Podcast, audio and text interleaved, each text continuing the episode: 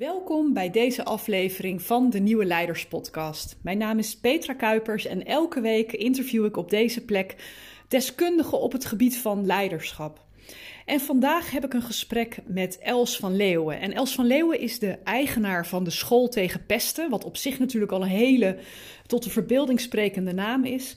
Maar waarom ik Els gevraagd heb om mee te werken aan mijn podcast is omdat zij trainingen geeft over ongewenst gedrag in organisaties. En meer specifiek um, is een van haar belangrijkste thema's pesten op de werkvloer. En ik um, prijs mezelf heel gelukkig dat ik zelf nooit in die situatie heb gezeten. Maar als ik Els zo spreek, en dat zal je straks ook uh, beluisteren in deze aflevering, dan bekruipt me af en toe het gevoel van waar ligt de grens tussen uh, gewoon een lolletje met elkaar maken en iemand echt kwetsen in de zin van dat hij zich gepest voelt. En ik vond dat een inzicht die mij wel een soort van wakker schudde en waarvan ik hoop ook dat je als je luistert naar deze aflevering af en toe eens bij jezelf te raden gaat van goh, zou het kunnen zijn dat iemand in deze, uh, deze uh, omgeving, in dit team, in deze groep mensen zich misschien op een manier behandeld voelt die eigenlijk uh, niet meer leuk is, die niet meer grappig is. En uh, ik heb wel mensen uh, gecoacht in de afgelopen jaren. En op dit moment heb ik er ook nog een paar die slachtoffer zijn van pesten op het werk. En ik kan alleen maar zeggen dat dat, het, het breekt je hart om te zien wat een enorme impact dat heeft op mensen. Hoe ontzettend onzeker en beschadigd en ongelukkig ze daarvan kunnen worden. En ik denk dat het een hele belangrijke opdracht is voor leiders, of je nu een leidinggevende bent of, of uh, een informele leider, om in ieder geval in de omgeving waarin jij werkt uh, een soort spaceholder te zijn, een soort veilige cultuur te creëren waarin uh, best grappen kunnen worden gemaakt, maar waarin je ook vooral heel erg wakker bent en heel erg je antennes uitzet van um, gaat dit niet ten koste van mensen? En, en um, uh, richten we niet onbedoeld ergens schade aan? Niet om ultra voorzichtig te worden en, en echt op eieren te gaan lopen, maar vooral om heel uh, uh, open en alert te zijn op gedrag wat misschien effecten heeft waar je niet helemaal, wat je niet helemaal, helemaal bedoeld had. Nou, ik denk dat Els daar een paar hele mooie inzichten voor geeft in dit gesprek. En ik ben heel erg benieuwd wat jij eruit oppikt. Welkom Els bij de Nieuwe Leiders Podcast. Dankjewel. Ik, Leuk om hier te zijn. Ik wil heel graag van je weten, voordat ik je wat uitgebreider ga bevragen over het werk wat je nu doet. Wie ben je? En als jij jezelf zou moeten omschrijven, als je een pitch zou moeten geven, wat doe je nou precies? Ja, uh, oké. Okay. Nou, dat is leuk. Leuk gelijk een uh, mooie binnenkomen. we kennen elkaar van de ondernemersclub waar we allebei moesten pitchen. Dus ik weet ja, oh ja, dat je je pitch vaker hebt ja, geoefend. Nou, ik ben um, Els van Leeuwen. Ik heb een eigen trainingsbureau. En dat bureau dat heet School tegen Schelden. En nee, dat is geen school, maar wel een trainingsbureau. en daarin ehm, begeleid ik medewerkers om ongewenst gedrag op de werkvloer te herkennen en aan te pakken. Nou, en dat zegt dan gelijk iets over mij. Ik ben wel iemand die uh, van actuele thema's houdt. En uh, ja, beste op de werkvloer en ander ongewenst gedrag is helaas heel actueel. Nou, en daar ben ik uh, ingestapt als ondernemer. En ik ben zelf verder, ik woon in Den Haag en ik heb, heb twee zoons, volwassen zoons. En ik ben getrouwd en ik nou, ik heb een, uh, een leuke plek in uh, Den Haag. Ik zit nu op mijn werkkamer. En uh, vanuit die werkkamer doe ik momenteel van alles online. Ja, is, is, is dat heel anders? Ik kan me voorstellen als je als, als ongewenst gedrag op de werkvloer, dan gaan we het zo wat uitgebreider over hebben, vooral over pesten, um, dat je bepaalde dingen niet meer kan doen die je tot voor de lockdown wel volop kon doen. Ja, dat klopt. Ik was uh, voor de lockdown volop aan het uh, trainen op uh, locaties. met gewoon, zoals iedereen, en met allemaal mensen om je heen. En hartstikke leuk. En, ehm, nou, je ziet iemand van top tot teen. Dat betekent dat je non-verbale gedeelte natuurlijk veel beter meekrijgt dan nu. Alleen dat ene hokje op Zoom. Ja. Ehm, ik doe op dit moment ook het een en ander online. Maar de trainingen omtrent pesten op het werk, die doe ik niet online. Want pesten is uh, best een heel pittig thema. En het kost heel veel moeite voor mensen om het op tafel te krijgen überhaupt. Ja. Uh, en dat wil ik gewoon niet online faciliteren. Nee. nee. Want laten we daar eens beginnen. Hoe, hoe, is dat thema precies bij jou terechtgekomen? Wat, wat heeft jou zo gegrepen aan het thema pesten? Uh, nou, ik ben als vanaf het jaar, even kijken hoor, 2000 uh, bezig als opleider en trainer. En ik heb daar een specialisatie eigenlijk bijna gelijk uh, gemaakt in het uh, ongewenst gedrag. En dat ging op dat moment met name over verbale agressie van klanten. Mm-hmm. Ik werkte destijds in een TBS-kliniek als trainer en opleider en supervisor van de medewerkers. Mm-hmm. En wij ontwikkelden daar ook een, een training ehm, omgaan met verbale agressie. Dus niet de fysieke, maar de verbale agressie. Ja. Dus dat thema, dat heeft me eigenlijk al lang in zijn greep. Ja. En onder ongewenst gedrag hoort natuurlijk ook pesten. Ja. En uh, pesten komt dan af en toe komt dat dus naar voren in, in, in programma's. En ik heb gedacht, ik moet daar wat mee. Want dat hoort bij mij om dat ja, zeg maar ook echt op tafel te krijgen. Ja. Dus ik ben, ik ben in 2015 pas okay. samen met een mediator begonnen om dit thema handen en voeten te okay. in mijn bedrijf. Ja. Want eerst was het dus, als ik even um, in mijn eigen woorden samenvat, vooral tussen um, uh, professional en klanten. Hè? Dus ik kan me voorstellen dat je dan in de zorg zit. Ik heb zelf lang bij een sociale dienst gewerkt, dus ik kan me voorstellen dat dat het soort trainingen was wat je gaf van hoe ga je nou met, ja, met klanten om. Maar het pesten wat je nu doet is echt tussen collega's onderling. Ja, en dat is natuurlijk ook heel anders. Hè? Ja. Het gaat nog steeds over agressie, het gaat nog steeds over ongewenst gedrag. Maar degene die het doen, dat zijn de medewerkers op de vloer onderling. En dat is inderdaad een heel groot verschil, dat klopt. Ja. Hoe komen organisaties nu bij jou terecht? Hebben ze dan al een probleem? Of denken ze van, nou, dat is ook wel nuttig om daar een keer iets mee te doen? waarom zoeken ze jou op? Nou, organisaties komen bij mij terecht door met name mijn andere werk. Dus mijn andere werk is het trainen van allerlei mensen op het uh, omgaan met lastig gedrag van klanten. Mhm. En op het moment dat ze mij dan leren kennen en de trainingen en de trainingsacteurs die daarbij horen, dan hebben we het over, ja, wat doe je nog meer? En dan pas komt soms dan pesten ter sprake. Uh, niet altijd, want ik zei het net ook en dat merk ik ook steeds, dat pesten is iets waarvan mensen zeggen, ja, dat is heel erg, maar dat gebeurt bij ons niet. Maar dan moet je wel daar en daar zijn, want daar gebeurt het wel. Um, dus uh, ik kom niet makkelijk aan klanten, want klanten die uh, zeggen, nou, dat valt wel mee, is niks aan de hand. Is het een taboe, denk je? Ja. Weten ze echt niet dat het speelt? Nou, het is, het is wel minder een taboe dan een hele tijd geleden. Uh, maar het is nog steeds wel zo van, jeetje, dat ga je toch niet, dat gebeurt hier toch niet. maar het gebeurt helaas wel.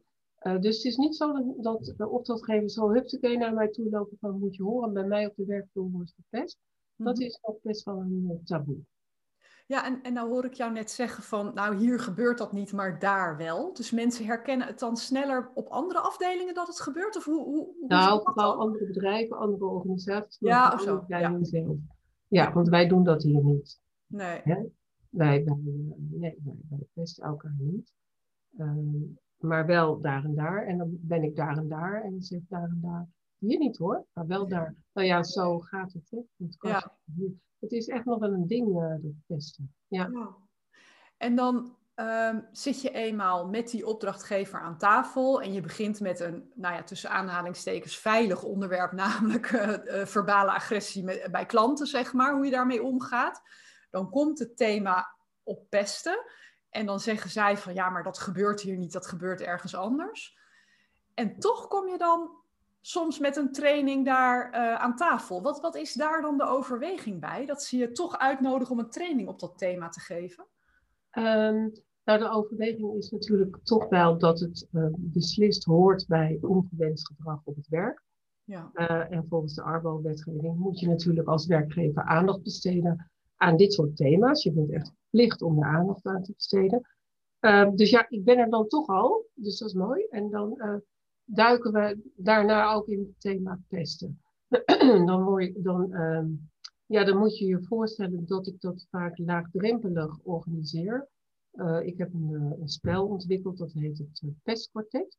En daarin kwartetten medewerkers met elkaar over de thema's die te maken hebben met pesten op het werk. Dus dat is een hele laagdrempelige manier. Van Zijn dat dan vragen of zo? Of wat, hoe ziet zo'n kwartet eruit? Wat, wat is dat voor werkvorm? Um, dat is een kaartspel. Het bestaat uit negen categorieën. Uh, en dan moet je uh, met elkaar uh, zorgen. dan speel je dus bijvoorbeeld met vier mensen.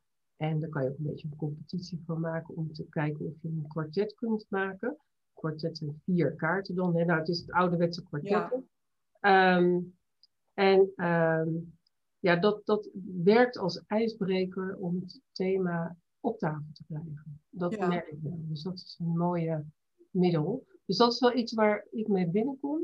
En uh, ook wel met de training uh, om te leren herkennen wat nou signalen zijn bij het pesten. Hè? Wat zie je dan? Wat gebeurt er dan met je medewerker? Uh, wat gebeurt er op de werkvloer? Wat zijn de gevolgen dan? Dat is ook een, dat, ja, dat, opdrachtgever ook wel zeggen, oh ja, inderdaad, ik moet er wat mee. Ja. Dus dat zijn wel manieren om, uh, ja, om uiteindelijk binnen te komen. Ja, en, en die laatste is denk ik ook voor de mensen die deze podcast luisteren heel interessant. Want dat zijn, voor een groot deel zijn dat leiders, uh, leidinggevende of informele leiders. Maar hoe kun je nu als leider herkennen dat een medewerker mogelijk gepest wordt en hoe kan je dat het beste ja, blootleggen? Hoe, hoe kan, waar, waar begin je? Ja, ja. Nou, als het, als het goed is, en dat hoopt er al, altijd maar, uh, komt de medewerker naar de leider toe om te vertellen dat het zo is of dat degene dat zo ervaart. Um, maar dat gebeurt natuurlijk ook heel veel niet, omdat mensen zich ervoor schamen.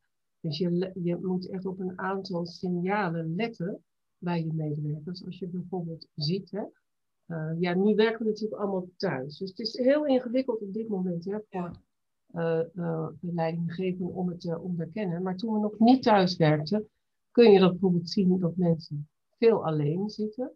niet mee gaan lunchen, niet mee gaan wandelen, niet op de vrijdagmiddagborrel zijn.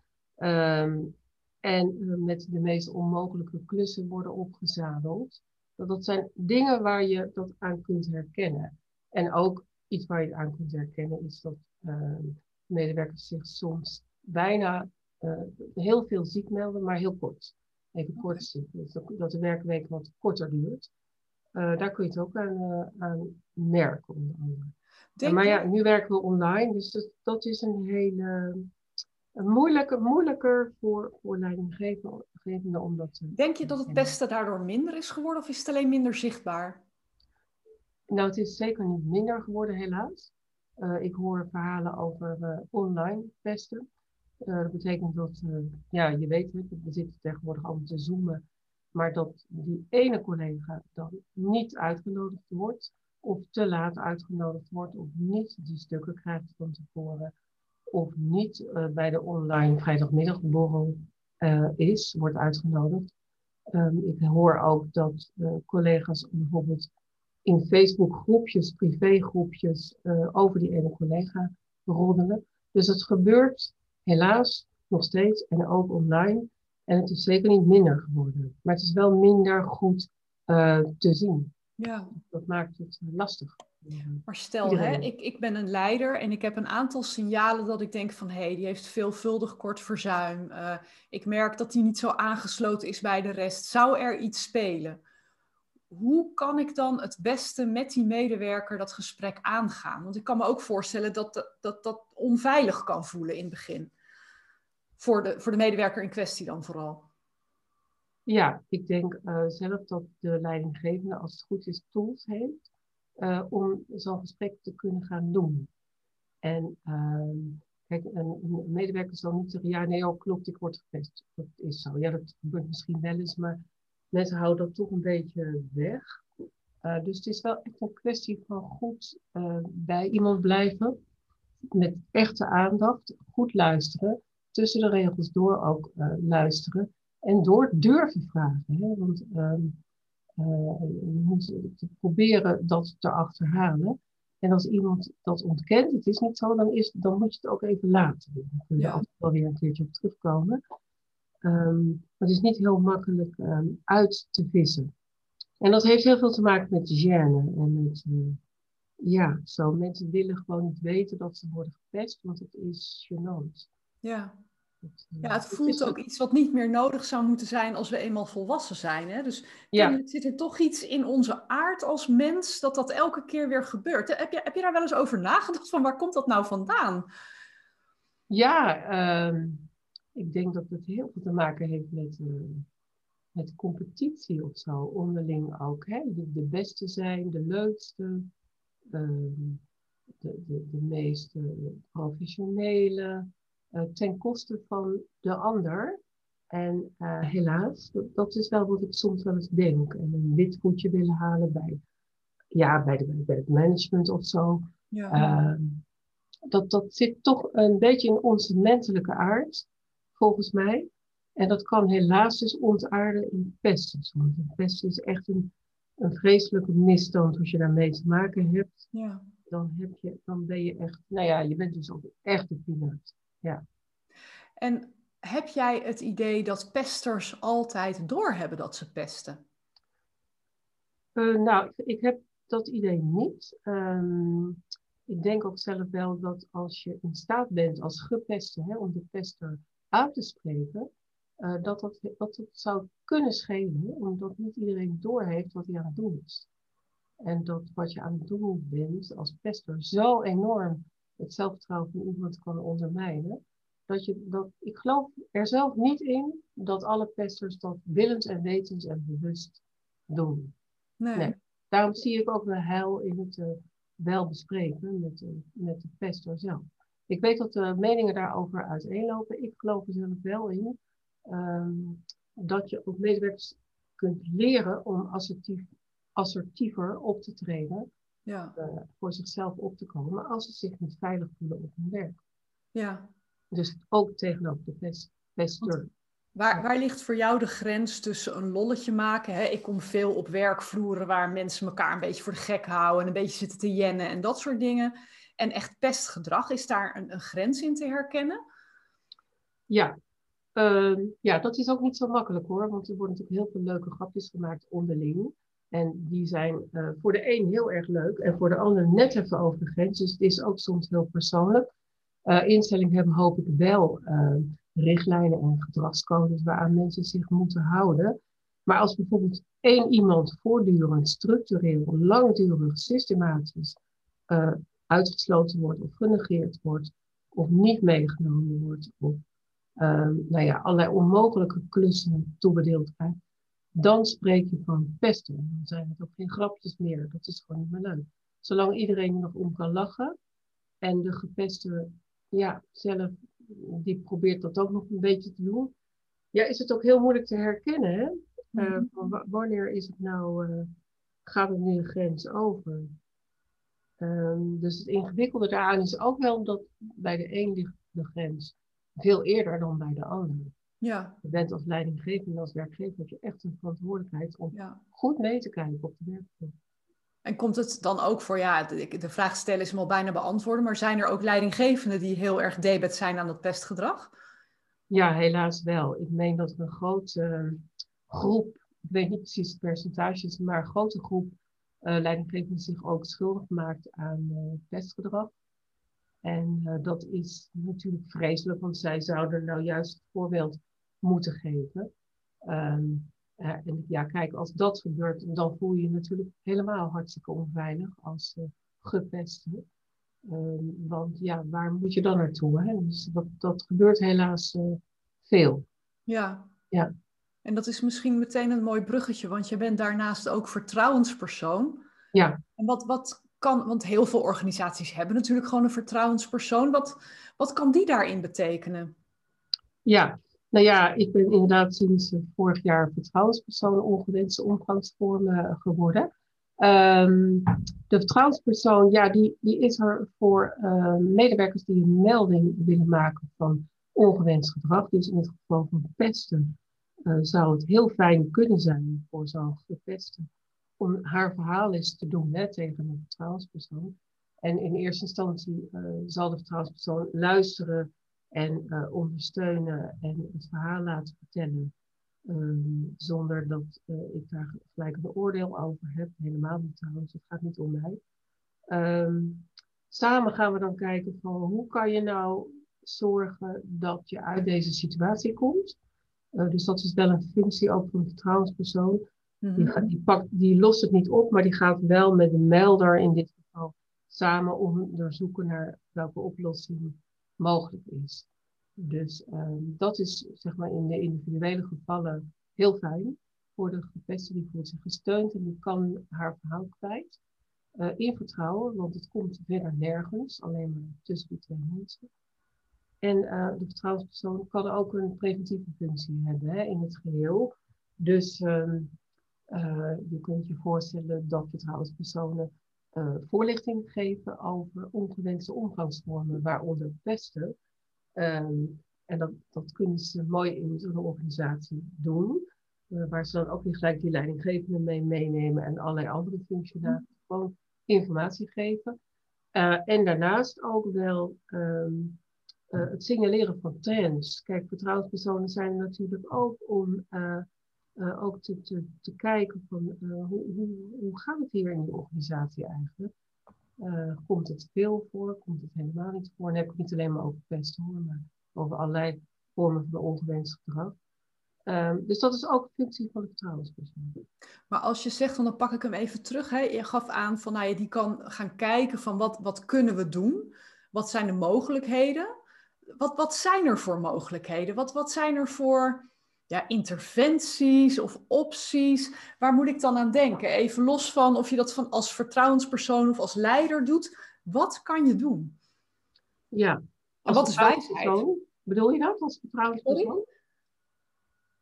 Als, als vertrouwenspersoon, ja, laten we daar even mee beginnen. Wat kan je als vertrouwenspersoon doen om een soort van opening te bieden van een, een oplossing of een uitweg? Ja, nou, in het individuele geval kun je er zijn natuurlijk voor de melder. En met de melder uh, ja, proberen om uh, de situatie aan te pakken als de melder dat wil. Want dat, is, uh, dat hoort natuurlijk heel erg bij vertrouwenspersonenwerk. Dat je het niet overneemt, maar dat je met de melder zelf, dat je die zelf de dingen laat, laat doen. Maar ik, je zou er inderdaad wel bij kunnen zijn als ondersteuner. Als bijvoorbeeld een, ehm, een, uh, een gepeste een gesprek aan wil gaan met de pest, of met de leidinggevende, of met collega's, uh, dan kan de vertrouwenspersoon mee ter ondersteuning van de gepeste. Van de melder, zeg maar. Ja, van de melder. Um, en um, dat, is, dat is soms fijn voor mensen die voelen zich dan letterlijk gesteund door de vertrouwenspersoon. Ja. En zelf vind ik daarnaast ook wel dat vertrouwenspersonen uh, preventief een belangrijke taak hebben ja. Wat ik net vertelde. Ja. ja. En dan zit dat met name op het, ook het herkennen en op het erkennen misschien zelfs wel dat het gedrag bestaat. Ja, zeker dat wat je zegt, erkennen. In plaats van zeggen, oh nee, dat gebeurt bij ons niet. Ja. Uh, dus erkennen, het zit nog voor het herkennen. Uh, dat is inderdaad zo. Ja. En dan weet je ook veel beter waar je op moet letten. Hè? Johan Cruijff die zei toch ooit van, uh, je ziet het pas als je het door hebt. Nou, daar, dat geldt dus ook voor, uh, voor dit. Ja. Eigenlijk zie je het, je ziet het niet zo goed. Mensen zijn ontzettend gewiekst. Ja, is ook zo. Ja, het is, het is heel erg uh, onder, onder huis kan het ook gaan zitten. Hè? Het, het, is, ja. het kan het daglicht eigenlijk niet verdragen. Ja. Nee, nee, nee, precies.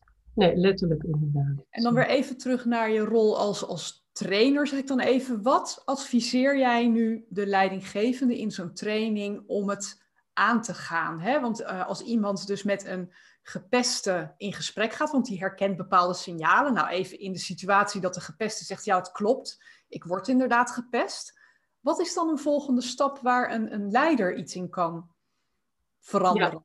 Ja, nou, ik denk het, uh, het steunen van de medewerkers sowieso. Dus dat je er bent uh, om het verhaal tegen te vertellen. Um, en uh, de, de, de gepesten ook ondersteunen in het aangaan van het gesprek op de afdeling met de gepesten en eventueel met de andere teamleden. Uh, dat zou de leidinggevende kunnen doen. Is het altijd nodig om, om dat open te breken naar het hele team? Of is het één gepest eruit pakken? Doe je dat één op één of doe je dat in, in een groep? Wat, wat is daar jouw ervaring in? Nou, wat ik nog wel wil benadrukken is de rol van de omstanders. Want ehm, dat zijn dus de teamleden die niet worden gepest, die misschien wel meedoen, of misschien niet meedoen, maar gewoon niks doen.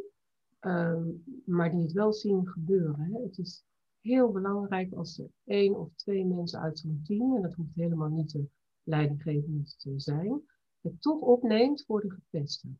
Ja. Dat is echt heel belangrijk. Dus de trainingen die ik uh, daarin geef, gaan ook zeker over de rol van omstanders. Voelen omstanders zich mede verantwoordelijk of drukken die eigenlijk hun snor? Uh, nou ja, daar, daar zitten verschillen in. Hè. De, uh, de, de, sommigen drukken hun snor inderdaad. En anderen die durven niet uh, er tegen in opstand te komen, terwijl ze het wel zien gebeuren. Dus het is wel belangrijk om dat naar voren te zien te krijgen in een training. Ja. Het is niet alleen de verantwoordelijkheid van de leidinggevende, maar ook van de rest van het team. Uh, dus je moet ook echt iets proberen te gaan doen aan teambuilding. In ja. positieve zin, hè, van want hoe komen we nou naar gewenst gedrag in plaats van dit gedoe de hele tijd op de werk. Ja. Dus uh, ja. Maar zit, zit daar dan ook een vorm van onmacht in? Dat ze gewoon niet geleerd hebben om gewenst gedrag te vertonen? Hoe kan dat dat, dat, dat zo dysfunctioneel wordt volgens jou? Uh, je bedoelt zo'n pester die dat alsmaar blijft doen? Ja, en, en dat zo'n team dan toekijkt en niet ingrijpt. En het is eigenlijk een heel systeem, als ik jou zo hoor, wat zichzelf ja. bijna in stand houdt. En het ja. nog ontkent ook dus. Ja. ja, dat kan. En zolang daar niet uitgebroken wordt door iemand, dus iemand die, zegt, die, dat, die gaat zeggen van ik wil het zo niet langer meer, uh, dat hoeft niet te gepest te zijn, kan ook een omstander zijn. En zolang dat niet gebeurt, blijft het inderdaad zo. Um, en dat is heel erg naar, want je kunt ontzettend ziek worden, hè, van mm -hmm. gepest worden. Letterlijk ziek de ziekte in. Uh, het kost je je zelfvertrouwen, het kost je je gezondheid. En het kost de werkgever uh, heel veel geld en heel veel gedoe. Ja, ja. ja absoluut. Ja. Heb, heb je een mooi voorbeeld van een verhaal waar dat op een hele constructieve manier uiteindelijk is afgelopen? Um, ja, ik heb wel een mooi voorbeeld. Een uh, organisatie waar ik op dit moment bezig ben uh, om uh, de mensen bewust te maken van dat er inderdaad op de werkvloer wordt gepest. Dat, dat is een organisatie die zelf heeft gezegd van wij ehm, willen dit onderwerp aangaan, want we zien dat het gebeurt. Dus dat is, dat is echt fantastisch. Dat gebeurt ja. bijna nooit. Um, dus we zijn begonnen met het trainen van de leidinggevende om die bewust te maken van wat is het nou eigenlijk?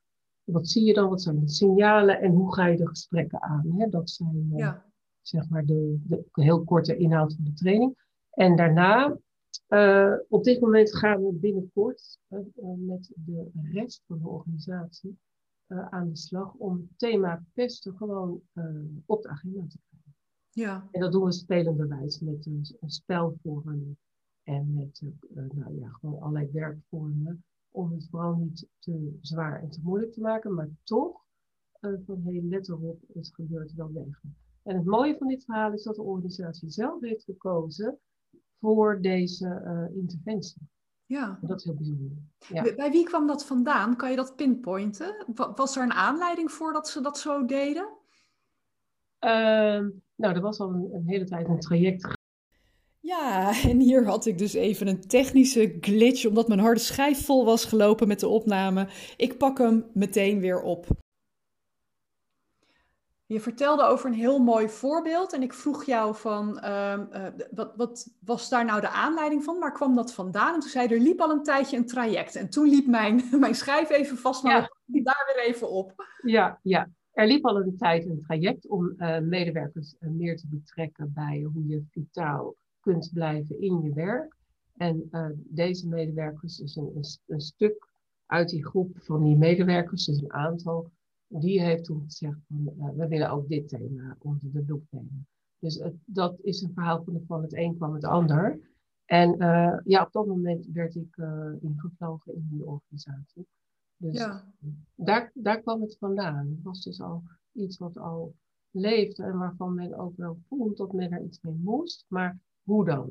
Nou, Ja. En de hoe dan, die hebben Maar ja, kennelijk is er dan dus een soort context waarin mensen eh, wakker zijn, om het maar even zo te noemen, het herkennen en denken van ja, maar hier wil ik wel wat mee, want ik heb hier last van. Dus er zitten kennelijk toch wel wat dingen in de omgeving, waardoor mensen zich vrij voelen om te zeggen, ik wil dat er iets met dit thema gaat gebeuren. Ja, ja. Kan, jij iets in die cultuur herkennen waar, waardoor ze zich eh, vrij genoeg voelen om dit aan te kaarten? Ja, ik denk als medewerkers betrokken worden bij hun, ehm, hun plek, hun zijn, hun ontwikkeling in een organisatie, eh, individueel, maar ook als team, Mhm. eh, dat mensen zich dan toch wat, wat, wat ehm, meer verantwoordelijk voelen voor de hele sfeer, ja. en voor eh, het hele team en voor de organisatie. Dus ik denk dat dat er zeker wel mee te maken heeft. Dat heb ik hier in ieder geval wel gezien. Mhm. Dat medewerkers ook echt zeggen van ja, eigenlijk eh, doe ik het niet en ik maak het ook niet mee. Maar ik wil er wel van alles van weten, want ik wil ook niet dat het gebeurt. ja. Dus dat is heel erg mooi. Ja. Ja. Nou ja, ik zit ook wel te denken terwijl je dit vertelt, van je zal maar dit luisteren en denken van, oh jee, misschien ben ik zelf wel een pester. Ja, Misschien word ik wel ervaren als een pester. Wat zou je mensen die dit nu denken, wat zou je ze mee kunnen geven? Als ik opeens in de stress schiet van, oh jee, ja, misschien doe ik wel iets ja, wat niet door de beugel kan bij een ander. ja. Nou, het is heel fijn als je bij jezelf te raden kunt gaan. eh, dat je denkt, nou dat doe ik, hé hey, dat doe ik, oh ik doe dat. Eh, dat je dan vervolgens ehm, daar eens over in gesprek gaat. Met misschien iemand die heel nabij eh, is bij je, privé of op het werk. En het zou natuurlijk nog mooier zijn als je daarover in gesprek durft te gaan met degene die je denkt te pesten. Ja. En hoe, kan je dan zo'n zin beginnen? Want het is natuurlijk best wel een beladen iets. Ik, ik kan me voorstellen van, hé, hey, eh, denk je, voel jij dat je door mij gepest wordt? Dan val ik een beetje, ga ik er een beetje met een gestrekt been in. Wat, wat Ja. zou je adviseren om, om dat aan te kaarten? Ja, ehm, jeetje. Ehm, ja, ik weet niet precies hoe je, hoe, je dat, eh, hoe je dat zegt, maar ik denk dat het belangrijk is om het bij jezelf te houden. Dus Ja. niet van, ehm, goh, eh, ik, eh, eh, vind jij dat ik jou pest, maar ik vind dat ik jou niet goed eh, behandel. Ja. Dat is een andere ingang. Ja, Ja. ik zit ook wel te denken van, van ja, ik, ik, ik maak me opeens even zorgen of mijn gedrag op jou bepaalde effecten heeft of zo. Dat je zoiets Ja, ja, aankaart. Ja, ja. En dan, en dan wat, wat directer. ja, dus minder, minder wollig, maar echt wel eh rechtstreeks. ja. Zodat het samen tot een eh, gesprekje komt. Dan kom je dan nog wel tot meer dan een gesprekje. Maar het zou fantastisch zijn als dat eh, zou Ja. gebeuren. Ja. Heb je nou bepaalde lagen in de organisatie waar het vaker voorkomt? Zie je het vaker op de werkvloer? Zie je het vaker bij de directie? Zie je het vaker bij technische bedrijven of in de zorg of wat dan ook? Kan je er een lijn in ontdekken? Ehm, je ziet het eh, eigenlijk overal, helaas. Ehm, ik heb, ja, je hebt wel statistieken hoor, de- dat, dat kun je ook allemaal nazoeken, ehm, waar het meest gepest wordt en zo. Ehm, maar eh, ik moet je zeggen dat ik, ik tot mijn verbazing het eigenlijk overal tegenkom.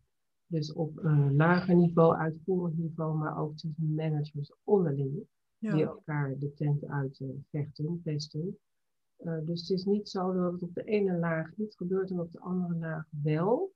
Ehm, ik weet wel, bijvoorbeeld in de zorg, eh, best veel gebeurt.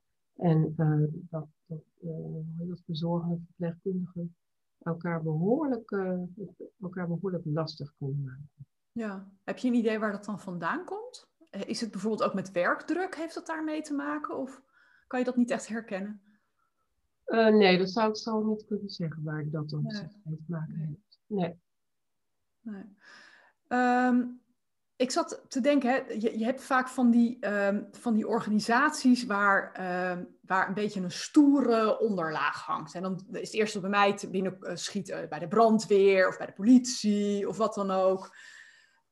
Is het daar een groter taboe dan op plekken waar je wat makkelijker intermenselijke, kwetsbare dingen met elkaar bespreekt? Of heb je dat ook niet echt kunnen ontdekken? Nou, ik denk dat dat wel zo is, ja. het imago van de politie is natuurlijk best heel ingewikkeld. af en toe komt er wel iets naar buiten van de politie. Mhm. dat er natuurlijk ook daar het een en ander gebeurt. Ehm, maar dus, dus het stoere imago, dat helpt natuurlijk niet mee aan het erkennen van een dergelijk probleem. Nee. En, in de zorg is men toch iets meer gewend om te reflecteren op je eigen gedrag. Ja. Ehm, dus daar, wordt, daar is het wel iets makkelijker. Ja. Ik wel. Ja. Zou het dan nog kunnen zijn dat jij het daar vaker aantreft omdat het bespreekbaarder is? uh, ja, wie zal het zeggen? Ik kom ook niet bij de brandweer, moet ik zeggen. Dus, uh, nee, hoog tijd. Nee. ja, ja, inderdaad. Ja. Nee, ik... Uh... Hey, en, en hoe Ehm, bescherm jij jezelf tegen al die verhalen? Want ik kan me voorstellen dat je daar, je komt daar ook maar in zo'n organisatie en je hoort veel ja, kwetsbaarheid en ook als vertrouwenspersoon nu. Hoe, hoe ga jij daar zelf mee om? Nou, zelf eh, heb ik ehm, eh, inmiddels wel geleerd om uh, dingen ook echt van me af te zetten. Heel af en toe blijft er wel een verhaal hangen, dat moet ik wel eerlijk zeggen. Uh, en ik heb zelf intervisie. Ik uh, zit in een uh, okay. groep voor nodig, vertrouwenspersonen en ik zit in een andere intervisiegroep voor trainers. en daarin hebben we, wisselen we allerlei dingen uit die met ons gebeuren in het professionele leven. Mm -hmm. dus dat is wel heel fijn. En dat is ook echt heel nodig om af en toe even ja. dat tegen elkaar aan te houden. Ja. ja, want anders dan, ja, weet je, het gaat toch allemaal, je gaat het toch allemaal met je meenemen. Want je, je, je doet het niet omdat je onverschillig bent uh, over het thema. Nee. Ja, nee, maar ik wissel mijn uh, werkzaamheden ook af met allerlei luchtige andere thema's. Dus ik ben niet alleen maar bezig met ongewenst gedrag. Ja, ja, ja. ja. dus wat, wat is nou een verhaal wat jou uit jouw hele loopbaan heel erg is bijgebleven? En dat hoef je natuurlijk niet met naam en rugnummer, maar is er een verhaal wat je kan delen wat, wat jou echt geraakt heeft? Uh, ja, er is wel één verhaal, dat kan ik wel vertellen. Uh, dat was, uh, ik geef trainingen in de zorg. dat ging over omgaan met verbale agressie. En er was één meisje en die um, keek eigenlijk alleen maar naar beneden de hele tijd. En die maakte helemaal geen oogcontact met mij niet en met mijn acteur ook niet. En toen vertelde ze op een gegeven moment eh, dat ze dat niet deed, omdat als ze dat zou doen, dus oogcontact maken, dat er dan iets negatiefs van haar verwacht zou worden. En toen bleek eigenlijk, we, hebben daar, we zijn daar even op doorgegaan met haar, want ze was uh, nou, behoorlijk van slag. Uh, toen bleek dat, dat een rode draad was in haar hele leven, vanaf haar jongste kinderjaren tot aan dat ze daar dus zat en ze was midden twintig. Um, um, dat als zij contact maakte, oogcontact, dan ging er iets naars gebeuren. Wow. Um, dus zij um, deed ook niet. Ze zat dus in de training en maakte geen oogcontact. Ja, dat is echt heel ingewikkeld voor anderen. Uh, ze werkte met uh, dementerende en daar viel het niet op. Dat zei ze ook zo van, nou, dan, uh, daar kan ik gewoon contact maken hoe ik het wil. Ja. maar ze herkennen me toch niet. Dus je, zo. Ja, en dat is wel een verhaal wat mij altijd nog ergens bijgebleven. Ja. Zo, dus je nou ja, goed. Bedoel, wij waren daar een dag en dan, dan doe je daar verder niet zoveel mee. Maar um, er zit natuurlijk een heel, heel verhaal achter. Is, is dat vaker zo, denk je, dat mensen eigenlijk al uh, op de basisschool ook gepest zijn of misschien thuis en dat, dat ze een soort van ja, terugkerend patroon terechtkomen van gepest worden? Uh, dat gebeurt wel eens, ja. Maar het gebeurt ook wel eens dat ze van gepeste pester worden, hè? Oké. Okay. Uh, eh, dus die rol van pester juist pakken. Is dat een uh, beetje doorschieten in je, in je, ja, in je assertiviteit? ja, ja, ja. En dan maar niet het slachtoffer, maar wel de dader willen zijn. Ja. dan draait men het om. Dus het is niet zo, het is niet per definitie zo dat het slachtoffer altijd slachtoffer blijft. Nee. Nee. En vaak zie je ook dat pesters eigenlijk heel goed uh, beseffen uh, waarom ze het doen en waar het dan vandaan komt. Als ze het al doorhebben. Hè? Ja. Dus de groep die dat doorheeft, uh, die heeft ook door van hé, hey, die, dan hoor je toch heel vaak dat, dat die vroeger zelf ook gepest zijn. Dus ja. er zit wel degelijk een soort ja, logica in, of nu ja. geef het een naam. Ja. ja. ja als uh, mensen die dit nu luisteren denken van, goh, ik zou hier zelf mee aan de slag kunnen, um, uh, hoe, waar kunnen ze jou voor inschakelen eventueel en hoe kunnen ze jou vinden? Uh, ja, ze kunnen mij op twee manieren inschakelen. Ik ben trainer en ik geef allerlei trainingen op dit gebied. dus dat is een mogelijkheid. en daarnaast ben ik dus vertrouwenspersoon. en dat is ook een mogelijkheid om mij in te schakelen. Nu heb ik met mijzelf afgesproken dat ik ehm, in organisaties waar ik vertrouwenspersoon ben niet train en andersom. Ja. En dat doe is het een of het ander? Ja, om de, uh, de belangenverstrengeling uh, niet, niet te hebben. Ja. Dus nee, dat zijn die twee uh, sporen die ze, hoe ze mij kunnen ja. benaderen. Ja. Ik, zal, ik zal jouw LinkedIn-profiel zal ik even in de show notes zetten. Maar heb je ook een website waar mensen jou kunnen vinden? Ja, dat is de website Schooltegenschelden. Schooltegenschelden.nl Juist, ja, dat is hem. Dankjewel Els. Ik, vond het, uh, ik vind het een aangrijpend onderwerp, merk ik. Maar het is ook wel heel mooi dat het zo in, in de openheid kan worden gebracht. Dus ik hoop dat dit mensen ook wat bewuster maakt van... Goh, misschien speelt hier ook wel meer dan waar ik me van bewust ben. Ja, dat hoop ik ook. Ik hoop het ook. Ik hoop dat ik daar aan bij heb kunnen dragen. Mooi. Dankjewel. Ja, dankjewel Petra.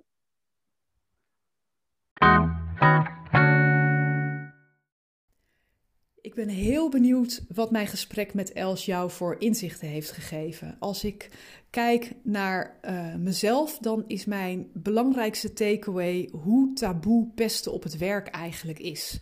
Dat er maar heel weinig organisaties zijn die uit zichzelf zeggen van goh, laten we dit punt op de agenda zetten en laten we daar uh, aandacht aan besteden. Laten we een, een, een training organiseren waarin we het openbreken en daar met elkaar over in dialoog gaan.